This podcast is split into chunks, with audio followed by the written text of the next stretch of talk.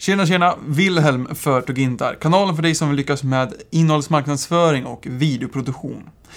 Den här videon är riktad till dig som kanske har fått en intervjuförfrågan och som nu sitter och är lite nervös för vad man liksom, vad som förväntas av dig helt enkelt under den här intervjun. Och jag vill bara börja med att säga att om du inte har tackat ja än, så gör det. För att det kommer förmodligen vara en otroligt spännande och lärorik upplevelse att bli intervjuad, om det nu är första gången. Och även om det inte är det så kommer det förmodligen vara det ändå. Men tacka ja, för att det kommer förmodligen att uppskatta längre fram. Men i den här videon så kommer jag ge, försöka ge dig några råd som du kan ta med dig när du går in för en intervju och vad du ska tänka på både innan och under intervjun.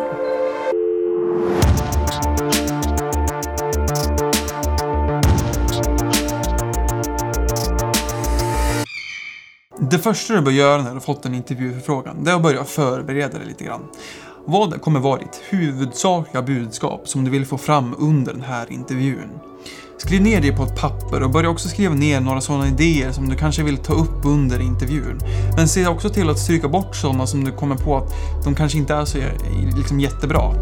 På så sätt så kan du sålla bort de idéer som, som är mindre värda att snacka om medan du fortfarande behåller din kärnfråga och några liksom, ämnen som du tror kommer vara bra att ta med sig in i intervjun.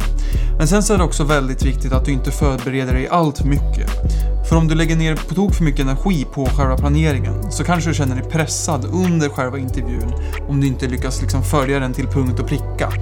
Och på så sätt så kan du liksom bygga upp en nervositet som är helt onödig när du går in för intervjusituationen.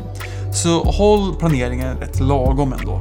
Sen kan det vara bra att ta chansen att prata med intervjuaren innan intervjun. Antingen om du gör det på telefon innan eller om ni gör det alldeles innan själva intervjun. Fråga och se till att du har koll på vad intervjuaren vill ha av dig.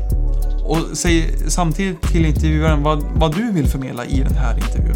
På så sätt så vet ni båda vart ni har varandra under intervjun och vad den ena vill ha av den andra. På så sätt så blir det mycket enklare för båda två. Tänk också på vilka som ska kolla på den här intervjun sen. Försök anpassa dig lite till din publik helt enkelt. Om du är expert på ditt område, vilket man ofta är om man blir kallad för en intervju helt enkelt, så måste du tänka på att då alla som kollar kanske inte är expert. Vilket gör att du måste anpassa ditt budskap så att alla kan förstå det. Men givetvis om du gör det i ett medium som är anpassat för just experter inom din bransch till exempel. Då kan du ju verkligen se till att briljera lite extra med din expertis. Så se till att anpassa ditt eh, budskap så att alla som kollar på intervjun kommer förstå det. Men eh, visa gärna din expertis och karaktär också emellanåt. Kom också ihåg att en inspelad intervju mycket enkelt kan klippas och klistras i sen i efterhand. Så att om du känner för det så kan du bara säga till att du vill ta om en sektion så brukar det aldrig vara några problem. Slutligen, det viktigaste är att du kan ta med dig från den här videon där. Var mänsklig och var dig själv under intervjun. Det leder alltid till de bästa intervjuerna.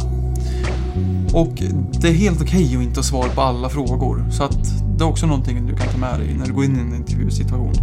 Med det sagt så vill jag önska dig lycka till till en framtida intervju. Hoppas att den går riktigt, riktigt bra.